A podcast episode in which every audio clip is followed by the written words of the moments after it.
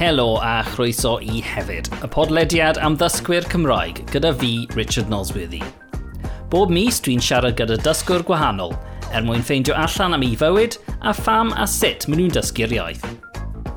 Y mis yma, dwi'n siarad gyda Rhian Howells. Mae Rhian wedi cael ei magu yn ardal Abertawe, ac mae hi'n byw a gweithio yn yr ardal o hyd. Mae hi'n athrawes ac yn awdur sy'n angerddol am y Gymraeg – Yn ein sgwrs, rydyn ni'n trafod, dysgu a defnyddio'r iaith mewn ysgol Saesneg.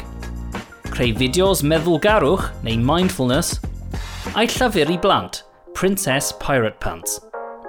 Ond i ddechrau, gyfynnes i os oedd y Gymraeg yn rhan pwysig o'i bywyd pan roedd hi'n blentyn. Um, pan oeddwn ni'n plentyn, um, roeddwn ni'n dwlia'r Cymraeg, y gwersi Cymraeg yn yr ysgol, um, ond doedd dim llawer o Cymraeg yn fy gymuned, doedd llawer o pobl ddim yn siarad Cymraeg. Um, roedd Cymraeg um, ail iaith, um, iaith cyntaf gyda fy nhad, ond doedd e ddim yn siarad Cymraeg i fi o gwbl. Um, ond pan roeddwn ni'n yn yr ysgol, um, roedd Cymraeg yn bwysig iawn i fi achos um, yeah, roeddwn ni'n hoffi gwersi Cymraeg. Ie, yeah, ie. Yeah. So oedd yr ysgol yn, yn uh, meddwl bod y Gymraeg yn bwysig fel ail iaith yn, yn, yn, yn, mewn ysgol Saesneg?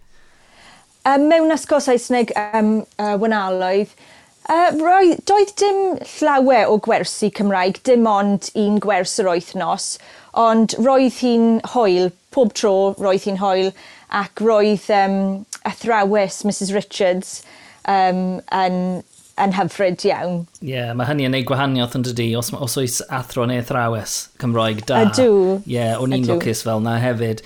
Ac um, yn, yn wain arlwydd i, i bobl sydd sy ddim yn nabod y lle, um, yn, uh, os ydych chi'n mynd nôl ychydig, roedd, roedd hi'n lle Cymra Cymraeg iawn ar un adeg, ond doedd hi, ond on mae'r Gymraeg wedi, yeah. wedi mynd i, i roi raddau. Ie, yeah, yn y gorffennol roedd um, Cymraeg yn bwysig iawn yn wynaloedd. Um, ac nawr mae, um, mae ffrindiau um, mae ffrindiau gyda fy nhad, mae nhw'n siarad Cymraeg gyda'n gilydd yn y clwb rygbi. Um, ond yn y tŷ, doedd fy nhad ddim yn siarad Cymraeg i fi achos doedd fy mam ddim yn deall um, Cymraeg. Ond nawr, achos dwi'n gallu siarad Cymraeg, dwi'n ceisio i siarad iddo fe nawr uh, i ymarfer. Gwych, o da iawn, da iawn wir. Felly, um, yn ystod yr ysgol, fe nes ti um, uh, lefel A Cymraeg, dwi'n deall? Ydw, ie, yeah, yn ysgol gyfyn um, Tregoer. Uh, yn amlwg oedd y Gymraeg yn, yn teimlo fel rhywbeth pwysig. Pam nes ti ddewis uh, gwneud, gwneud y lefel A, a car cario ymlaen?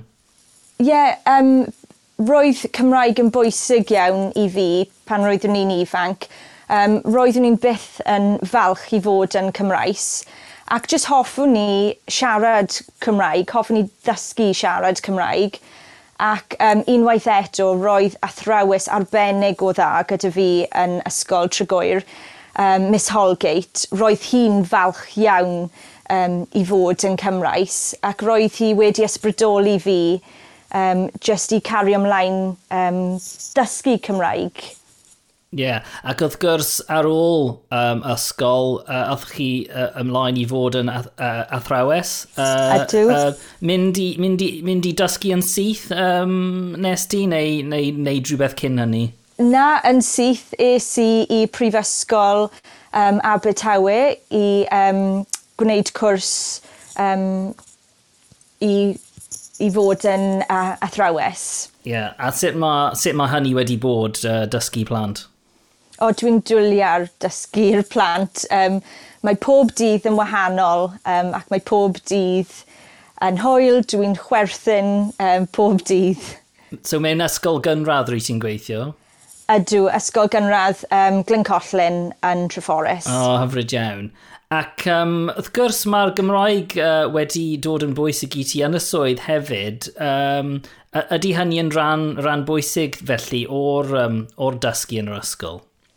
Ydw, um, gyda cwricwlwm newydd naw, mae uh, dwi eisiau uh, blant i ddysgu Cymraeg ar draws y cwricwlwm naw, dim ond uh, just un waith yr wythnos.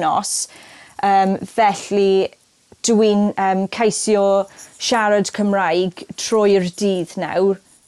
Ie, yeah, so mae hynny, mae hynny yn newid nawr, ond dydy, achos i bobl fy oedran ni, dwi'n dwi, dwi 45 erbyn hyn, dwi'n cofio mynd i ysgol Saesneg, a fel, fel ti, oedd uh, yn yr ysgol gynradd, oedd you know, falle unwaith yr wythnos, neud ychydig o gani yn Gymraeg ac ati, ond erbyn hyn, mae lo, mae lot o, neu pob, uh, dwi ddim yn siŵr, uh, pob uh, neu rhan fwyaf uh, falle, o um, ysgolion Saesneg yn, yn gwneud mwy na hynny? Ydw, ie, yeah, mae Cymraeg yn bwysig iawn. Um, you know, rydyn ni eisiau y blant i ddysgu um, i siarad Cymraeg ac Saesneg um, yn yr ysgol ac um, bod yn hyderus i siarad Cymraeg you know, ar draws yr ysgol, dim ond um, just yn y dosbarth. Ie, yeah, ie. Yeah. Wyt ti'n gweld hynny yn digwydd? Wyt ti'n gweld bod y plant yn, yn, yn hoffi siarad Cymraeg a defnyddio'r Gymraeg? Ydw, dwi'n... Um, yn fy ysgol i, mae um, llawer o athrawes nawr sy'n siarad Cymraeg ar ôl yn gwneud y cwrs Cymraeg mewn blwyddyn. Um, ac mae um, Cymraeg yn um, bywiog iawn ar draws yr ysgol nawr. O, oh, gwych. So, ie, yeah, i siarad am Cymraeg mewn blwyddyn, um, peth amser yn ôl uh, ar y podlediad, siaradon ni gyda angharad oedd yn neud y cwrs yna ar y pryd, um, ond rwy ti wedi gorffen y cwrs. Um, i, ddwe, i, I atgoffa pobl sy'n gwrando, beth yw'r cwrs Cymraeg mewn blwyddyn? Sut mae, sut mae hi'n gweithio? So, mae hi'n cwrs um, am flwyddyn um, i helpu athrawon i um, ddysgu Cymraeg um, ac sut i ddysgu Cymraeg i'r blant yn yr ysgol ac mae llawer, llawer o adnoddau um, a strategies i helpu y blant yn yr ysgol um, i siarad Cymraeg ar draws yr ysgol ac just mwynhau Gymraeg. Ie, yeah, so ychydig o dysgu yr iaith dy hun a hefyd um, ar yr un pryd uh, dysgu am sut i uh, addysgu yn Gymraeg. Cyfuniad o'r ddau. Ydy. Ie, yeah, dwi'n gallu siarad Cymraeg naw ar ôl y cwrs, um, ond roedd hi'n um, helpu fi um, i ddysgu Cymraeg yn yr ysgol um, mewn ffordd wahanol nawr, dim ond um, fel un waith yr wythnos, dwi'n gallu dysgu Cymraeg mewn gwersi cerddoriaeth, um, gwyddoniaeth you know, ar draws y cwricwlwm nawr. Ie, yeah, ie. Yeah. So oes, oes athrawon eraill yn dy, ddosba, yn dy, um, yn dy ysgol di sydd wedi wneud y cwrs? Ydw, um, roedd tair athrawon um, cyn i, athrawys cyn i fi fynd, um, felly naw mae mae um, llawer o athrawes yn yr ysgol um, you know, sy'n siarad Cymraeg ac yn dysgu Cymraeg yn hyderus nawr. Ah, gwych. So, sut oedd y cwrs? O, oh, arbennig o dda. E. Roedd hi'n y cwrs um, gorau erioed gwnes i. Uh, ces i llawer o ffrindiau newydd um, ac y peth y mwy pwysig i fi ydy dwi'n gallu siarad Cymraeg nawr. Mae hi'n um, sgil bywyd i fi i cadw nawr. Ie, yeah, gwych. O, da iawn wir. A, a oedd ti'n dysgu, wrth gwrs, yn ystod y pandemig, felly oedd y, y, y, y dysgu i gyd ar-lein? Um, roedd y mwyafrif ar-lein, um, o roedd hi'n anodd iawn i ddechrau, achos roeddwn ni'n gweithio ar Teams pob dydd, um, ac roedd hi'n anodd achos doedd dim um, siawns i fi siarad um, wyneb a wyneb, dim ond ar y sgrin. Ond ar ôl Pasg, roeddwn ni'n lwcus iawn achos roedd siawns um, i ni fynd i'r traeth Abertawe i cael um, gwersi Cymraeg uh, gyda Cara, uh, uh, un o um, tutoriad. Ac roedd hi'n arbennig o dda, roedd hi'n anhygoel. O, oh, gwych, so dysgu ar y traeth, sut, sut, pa fath o brofiad o dysgu uh, Cymraeg ar, ar draeth? Oh, roedd hi'n just arbennig achos um, gwnaethon ni gwersi gwyddoniaeth ar y traeth. Um, gwnes i gwersi mathemateg ar y traeth ac roedd hi'n hyfryd iawn i cwrdd gyda pobl wyneb a wyneb um, ac gweithio tu allan. Yeah, roedd, um, roeddwn ni'n lwcus iawn i fyw yn Abertawe i cael um, profiad ar, y, ar y traeth. Ie, yeah, lwcus iawn, gwych.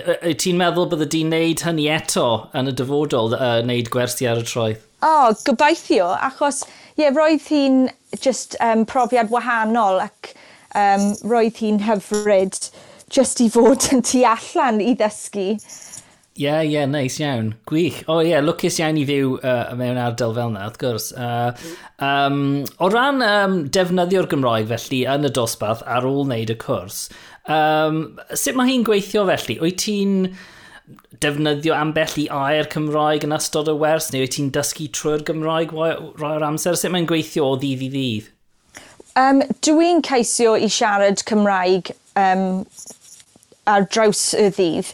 Um, dwi'n dwlu ar canu yn Gymraeg gyda phlant.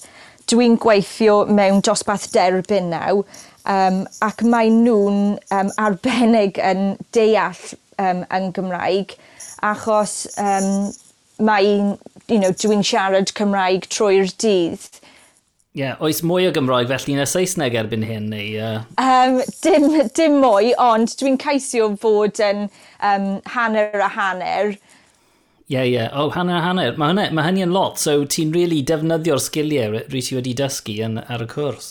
Ydw, mae rhaid i fi um, translate gweithiau, ond um, no, mae, mae plant yn arbennig o dda yn um, yn deall pan rydw i'n ailadroddi um, popeth pob dydd. Ie, yeah, ie, yeah. Ffantastig. A felly, um, symud ymlaen i, i pethau eraill yn dyfywyd di, yn ogystal â bod yn athrawes, uh, uh, rwy ti'n wneud gwaith fel awdur. Rwy ti wedi sgwennu llyfr o'r enw Princess Pirate Pants. Ydw. Be, beth yw Princess Pirate Pants, neu pwy yw Princess Pirate uh, Pants?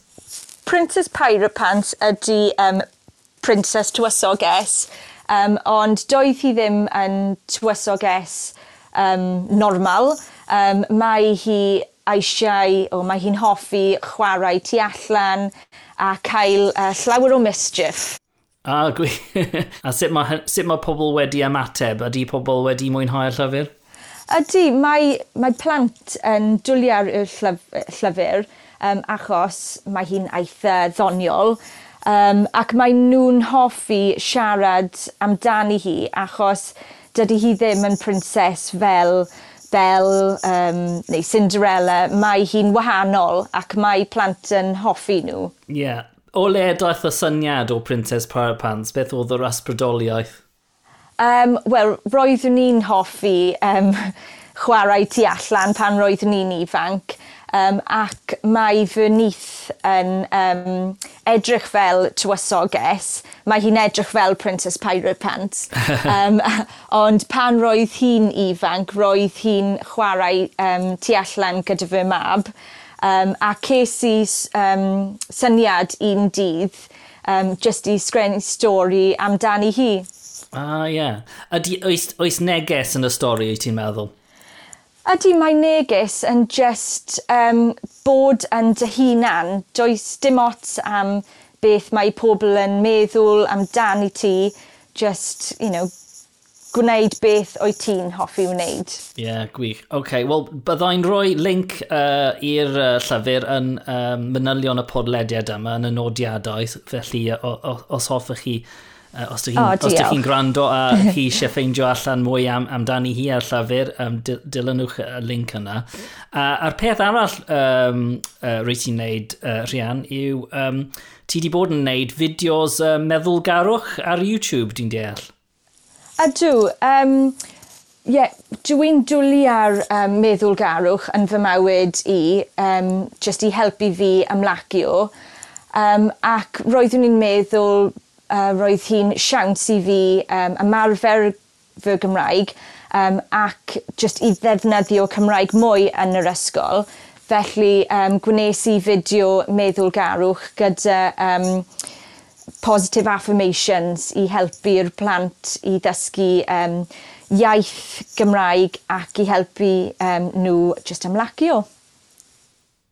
Gwych iawn. A yn Gymraeg felly nes ti'r fideos yna, um, pa mor anodd oedd hi wneud fideo yn Gymraeg fel rhywun sydd wedi bod yn, yn dysgu yn ddiweddar?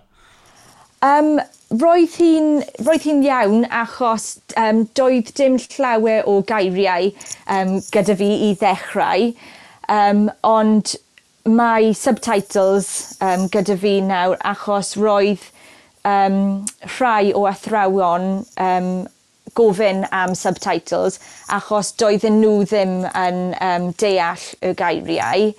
Um, ond hoffwn ni gwneud um, fideos um, hirach um, fel meddwl garwch um, guided meditation. Ie. Yeah.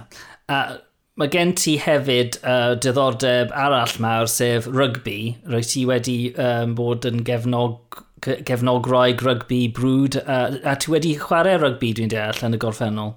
Ydw, pan roeddwn ni'n ifanc, um, chwaraeais i am tîm rygbi wynaloedd. Um, ie, ac roedd hi'n um, rhan bwysig um, yn fy mywyd. Um, chwaraeais i pob penwythnos gyda fy ffrindiau. Uh, dydw i ddim yn chwarae nawr, ond dwi'n dwliar gwylio um, rygbi. Dwi'n hoffi um, fynd i'r Parc Ysgalet i weld y Scarlet um, ac dwi'n cefnogi Cymru hefyd. O, oh, gwych. A'r peldroed hefyd ar ôl um, y newyddion da mynd well, i cwpan y byd? ar ôl naithiwr, ie. Yeah, da iawn i Gymru naithiwr. Um, dwi'n yeah, dwi dwlu ar um, chwarae, um, sorry, dwi'n dwlu ar gwylio rygbi, um, ond dwi ddim yn gwylio peldroed um, fel arfer, ond gwyn, uh, gwiliau si y gêm naethiwr. Gan fod hi'n un bwysig, wrth gwrs, ie. Yeah. o, da iawn.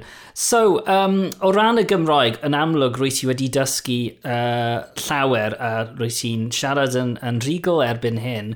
Beth yw'r peth gorau am dysgu Cymraeg y ti'n meddwl? Um, roedd hi'n wedi agor um, drysiau newydd i fi nawr. Um, you know, Dwi'n dwi'n gallu siarad Cymraeg pan um, dwi'n allan yn y cymuned. Um, ac mae hyder naw i fi i siarad Cymraeg os dwi'n clywed pobl arall sy'n siarad Cymraeg. Ac um, yeah, just dwi eisiau ysbrydoli'r plant ar draws Cymru naw, just i siarad Cymraeg ac i uh, gwybod mae Cymraeg yn hwyl ac uh, mae gwersi Cymraeg yn hwyl. Yeah. O, hyfryd. A rwy ti'n byw yn ymhenclawdd nawr, sydd ddim yn bell iawn o Abertawe wrth gwrs, ond ydy yr Gymraeg yn bwysig ymhenclawdd?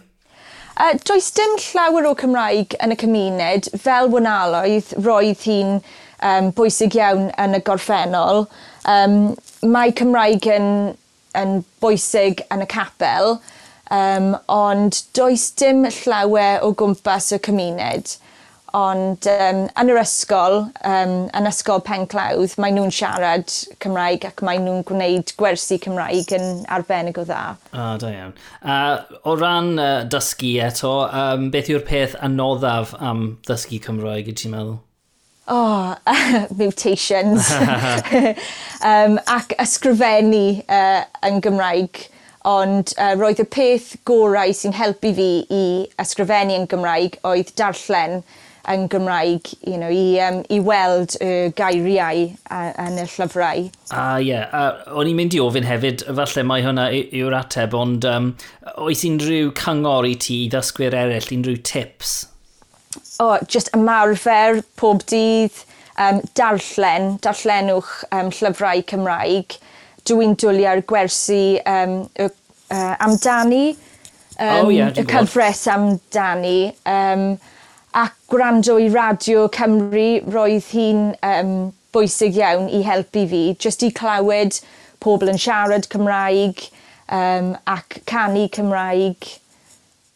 Yeah, so lot o bethau just ymarfer, gwrando, darllen. Ymarfer, ie. yeah, yeah, yeah. Pob dydd. Pob dydd. Beth am y dyfodol? O'i ti'n mynd i cario ymlaen gyda dysgu Cymraeg? O'i ti'n ti moyn sgwennu llyfrau yn Gymraeg? o, oh, hoffwn i sgwennu uh, llyfrau yn Cymraeg. Um, yeah, dw, mae fy mrawd i yn um, dysgu Cymraeg hefyd, felly uh, bydda i'n siarad um, Cymraeg uh, iddo fe you know, pob, pob dydd. Um, ac ie, yeah, dwi'n gwneud Duolingo jyst i helpu fi cadw Cymraeg um, i fi. Ie, yeah, just, dwi, just dwi eisiau cario ymlaen i siarad Cymraeg. Um, yeah, a dwi ddim eisiau colli fy iaith nawr achos uh, you know, mae hi'n bwysig i fi. Ie, yeah, ie. Yeah. So fel y ti'n dweud uh, wrth athrawon eraill bod y, y cwrs yn, yn werth wneud, ydy'n ydy bwysig bod athrawon eraill yn wneud yr un peth? ydy. Mae, uh, yeah, mae hi'n profiad arbennig o dda ac oes siawns um, i chi gwneud y cwrs dal y ti achos yeah, roedd hi'n roedd hi'n rhan, um, you know, roedd hi'n peth arbennig i fi. O, oh, da iawn. Wel, diolch yn fawr iawn, Rhian, am siarad gyda fi heddiw. Mae wedi bod yn bleser mawr. O, oh, diolch yn fawr i ti hefyd. Wel, diolch yn fawr i Rhian am y sgwrs a diolch i chi hefyd am rando. Os ydych chi'n mwynhau fy sgyrsiau bob mis, please tan ysgrifiwch ar Apple Podcasts neu eich hoff app chi, a gadewch adolygiad. Gallwch chi hefyd dilyn y podlediad ar Twitter. Chwiliwch am podlediad hefyd. Diolch am helpu i ysbrydoli mwy o ddysgwyr Cymroeg. Byddai nôl mis nesaf gyda phenod arall. Tan hynny, hwyl am y tro.